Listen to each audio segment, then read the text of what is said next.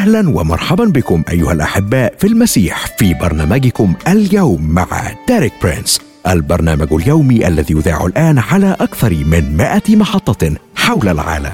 في فبراير من عام 1979 كان ديريك برينس يتأمل كلمات سفر أعمال الرسل الأصحاح الأول والآية الثامنة. لكنكم ستنالون قوة متى حل الروح القدس عليكم وتكونون لي شهودا في أورشليم وفي كل اليهودية والسامرة وإلى أقصى الأرض. وقتها قال ديريك برينس بدا لي بأن الخدمة الخاصة بي كانت فعالة في أورشليم أي في الأماكن الأقرب إلي لكنها لم تصل بعد إلى السامرة ولا إلى أقصى الأرض أي لم تصل بعد إلى كل العالم. ولم أتمكن حتى الآن من توصيل كل الحقائق التي تعلمتها من الله خلال أربعين عاما في الخدمة معه ولأجل الوصول إلى كل العالم بدأ بث برنامج اليوم مع ديريك برينس. اليوم نقدم لكم هذا البرنامج باللغة العربية. راجين من الله أن يكون سبب خير وبركة لكم ولبيوتكم ولخدمتكم.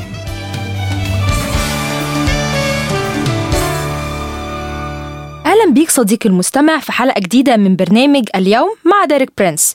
معاك مريم وأشرف. أهلا يا أشرف. أهلا يا مريم واهلا بصديقنا المستمع. إحنا يا أشرف هنكمل كلامنا اللي بدأناه الأسبوع اللي فات عن محبة الله بمناسبة موسم عيد الميلاد. ده موضوع جميل يا مريم لأننا لو إحنا بجد دقنا محبة الله فبركة عيد الميلاد مش هتكون عبارة عن ساعات قليلة من الفرحة والمتعة الجسدية. لكن فرحتنا هتستمر معانا طول السنة والآخر العمر وبعد كده في الحياة الأبدية. لكن بقى يا أشرف لو ما اختبرناش محبة الله وحاولنا نعيش حياتنا ساعتها مش هيفرق قد إيه المتعة أو النجاح اللي هنحققه لأن في النهاية هنكون عشنا حياتنا من غير أي لازمة. في الحلقات اللي فاتت من الأسبوع اللي فات اتكلمنا عن الفكرة الرئيسية عن محبة الله وفي حلقتنا النهارده هنتكلم عن معرفة وتصديق محبة الله. خلينا نبدأ حلقتنا بجزء من رسالة يوحنا الأولى إصحاح أربعة والعدد 16 يا مريم. ممكن تقريها لينا؟ طبعا يا أشرف العدد 16 بيقول كده ونحن قد عرفنا وصدقنا المحبة التي لله فينا. الله محبة ومن يثبت في المحبة يثبت في الله والله فيه. خلينا يا مريم نقرأ نفس العدد ده من ترجمة كتاب الحياة. بيقول كده ونحن قد عرفنا المحبة التي لله فينا وآمنا بها أن الله محبة فمن ثبت في المحبة ثبت في الله وثبت الله فيه. تعالي يا مريم نخرج نسمع ترنيمة ولما نرجع نشوف مع بعض الترجمتين. يلا بينا.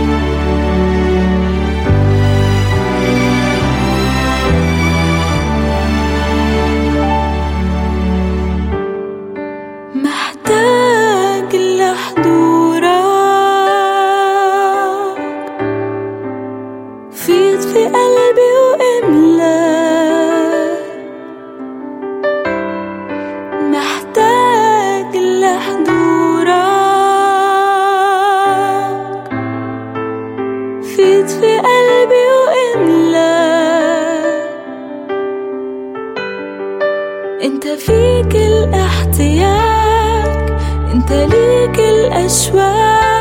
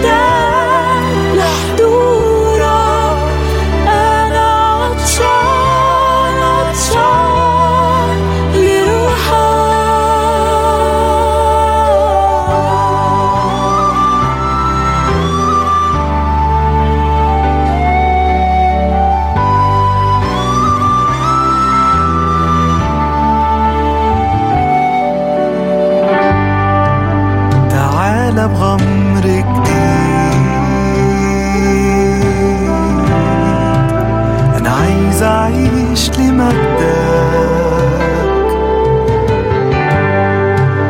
تعالى بغمر جديد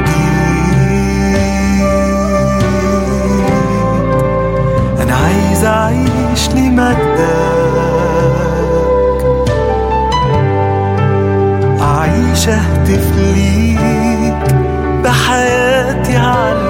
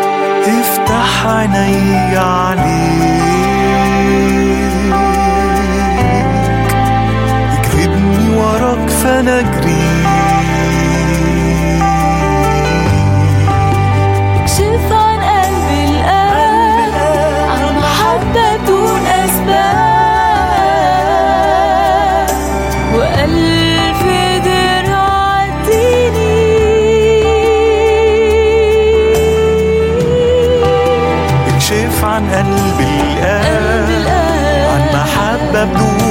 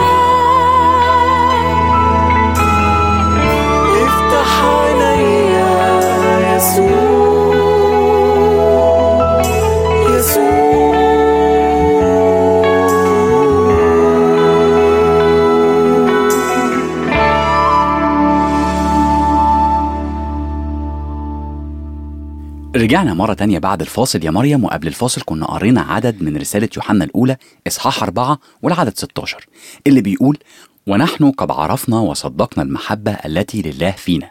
الله محبة ومن يثبت في المحبة يثبت في الله والله فيه.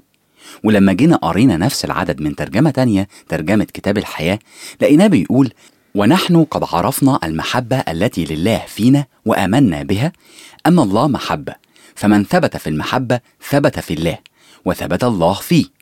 إحنا ممكن يا مريم نعرف حاجة على مستوى الفكر حتى لو بعيد عن الكتاب المقدس أو عن العظات اللي بتتكلم عن محبة الله لكن إننا نصدق أو نؤمن بمحبة الله ده شيء مختلف. ودايما يا أشرف في خطوة أبعد من إننا نعرف محبة الله وهي إننا نصدق المحبة دي ونعتمد عليها أو بمصطلح تاني إنك ترمي نفسك عليها وتاخد المخاطرة وتكون مطمن ده لو فعلا مؤمن إن الله بيحبك. ولما تؤمن إن الله بيحبك ساعتها مش هيكون في أي تحفظات وهتدي نفسك ليه بالكامل. في حين إنك مش هتعرف تعمل حاجة خالص لو أنت مش مؤمن بالمحبة دي ومش واثق فيها. ولو فضلت تحلل وتحاول تكتشف كل حاجة قبل ما تعملها فأنت مش هتاخد خطوة التسليم لله دي أبدا. واللي فيها بتحط نفسك بين إيديه بدون تحفظات وبتعتمد عليه وبتثق فيه وفي عمل اللي هو عاوزه بدون قيود ولا شروط. كلنا عارفين يا أشرف إن الله حبنا الأول حبني أنا وإنت وهو بيقودنا لنقطة عايز فيها نفس التجاوب من غير قيود أو شروط والتجاوب ده مش مجرد معرفة لكنه الإيمان والاعتماد على الله والالتزام باللي بيقوله الله بجد واللي بيقوله الكتاب المقدس عن الله إن الله محبة طيب تعالي يا مريم نسمع ديريك وهو بيكلمنا أكتر عن محبة الله. يلا بينا. أعتقد أن هناك الكثير من الناس الذين سمعوا عظات عن محبة الله ويعرفون عنها بهذه الطريقة على مستوى الفكر لكنهم لم يعتمدوا عليها مطلقا. لم يسبق لهم أن أخذوا خطوات إيمان وقالوا يا الله أنا هنا خذني كما أنا واجعلني كما تريدني أن أكون. أنا لا أضع أي شروط ولا أي تحفظات وهذه هي استجابتي أمام حبك.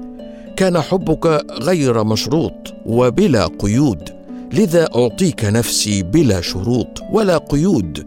أنا لك افعل بي ما تشاء. أنا لك يا رب. وأعتقد أن هذا ما قصده يوحنا عندما يقول ونحن قد عرفنا المحبة التي لله فينا وآمنا بها. فالإيمان يتجاوز التفكير الذهني ويأخذنا أبعد من فهمنا يأخذنا إلى مجال حيث يعترض التفكير العقلي ويقول إنك تذهب بعيدا وتتحمس أكثر من اللازم ولهذا السبب بالذات أؤمن بالعدد الثامن عشر من نفس المقطع. رسالة يوحنا الأولى الأصحاح الرابع والعدد الثامن عشر. حيث يتابع يوحنا ويتحدث عن الخوف ويقول لا خوف في المحبة بل المحبة الكاملة تطرح الخوف إلى خارج لأن الخوف له عذاب وأما من خاف فلم يتكمل في المحبة ياه شفت يا مريم النقطة اللي كلمنا فيها ديريك خطيرة قد إيه؟ فعلا يا أشرف إحنا لو سيبنا خوفنا هو اللي يقول لنا نعمل إيه ده هيعوقنا إننا نخضع لله. هناخد خوفنا سبب ونقول إن التكلفة غالية قوي والمخاطرة كبيرة جدا. لكن في نوع من المحبة بيطرد الخوف ومش بيسيب أي مجال ليه. محبة بتساعدنا نخضع خضوع تام وقبول كامل لأي شيء من الله وأي حاجة الله يقولها أو يعملها. المحبة دي هي اللي بتطرد الخوف بره وتخلينا في شركة ووحدة حقيقية مع الله. تعالى دلوقتي يا أشرف نبص على صلاة الرسول بولس من أجل شعب الله علشان يختبروا النوع ده من المحبة واللي هي محبة الله. نلاقي صلاة بولس دي في رسالته لأهل أفسس إصحاح 3 والأعداد من 16 ل 19 لما قال كده لكي يعطيكم بحسب غنى مجده أن تتأيدوا بالقوة بروحي في الإنسان الباطن ليحل المسيح بالإيمان في قلوبكم. وأنتم متأصلون ومتأسسون في المحبة حتى تستطيعوا أن تدركوا مع جميع القديسين ما هو العرض والطول والعمق والعلو وتعرفوا محبة المسيح الفائقة المعرفة لكي تمتلئوا إلى كل ملء الله. صلاة جميلة جدا. إحنا لو قعدنا نتأمل طول الحلقة في الصلاة دي هنلاقي حاجات كتير قوي. أهمها إننا شعب الله وبمعرفتنا لمحبة الله نقدر ندخل في كل ملء الله. ودلوقتي تعالي نروح نسمع من ديريك وهو بيتأمل معانا في الصلاة دي. يلا بينا.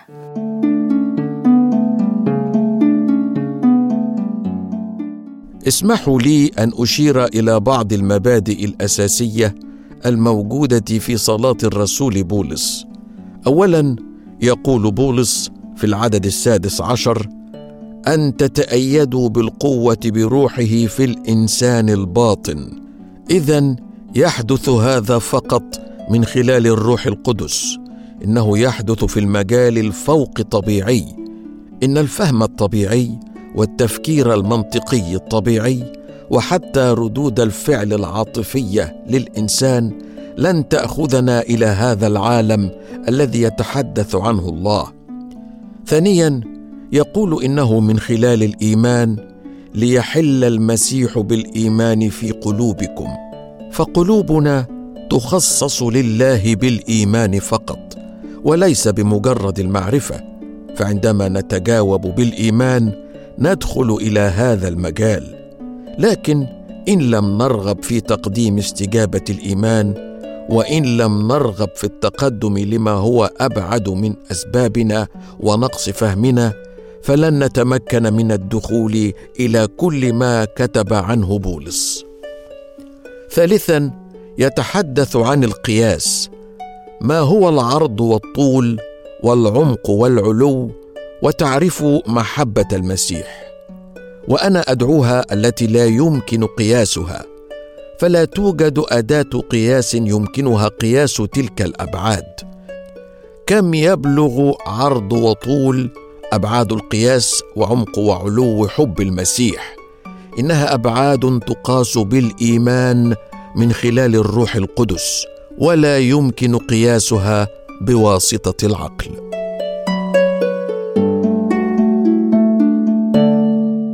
فعلا الصلاة دي مليانة حاجات جميلة وكلها بتهتم بإننا نعرف محبة الله اللي بتفوق المعرفة. وعلشان نعرف المحبة اللي بتفوق المعرفة فإحنا نقدر نعرفها بالإيمان والخضوع والخروج عن حدود المعقول والاعتماد على محبة الله. والهنا صديقي المستمع تكون حلقتنا النهاردة خلصت لكن إحنا لسه مكملين في سلسلة دراستنا لمحبة الله. نتقابل الحلقة الجاية من برنامج اليوم مع ديريك برنس كان معاك أشرف ومريم. مع السلامة. عزيزي المستمع إن كان لحلقة اليوم مع ديريك برينس تأثيرا على حياتك وفهمك لكلمة الله إن أردت أن تكون شريكا معنا في هذه الخدمة وتريد الصلاة لأمر معين أو تريد الاستماع لهذه الحلقة مرة أخرى أو تحميل الكتب أو دراسة الكتاب المقدس تواصل معنا من خلال موقعنا www.dpmarabic.com إلى اللقاء في الحلقة القادمة من برنامجك اليوم مع ديريك برينس.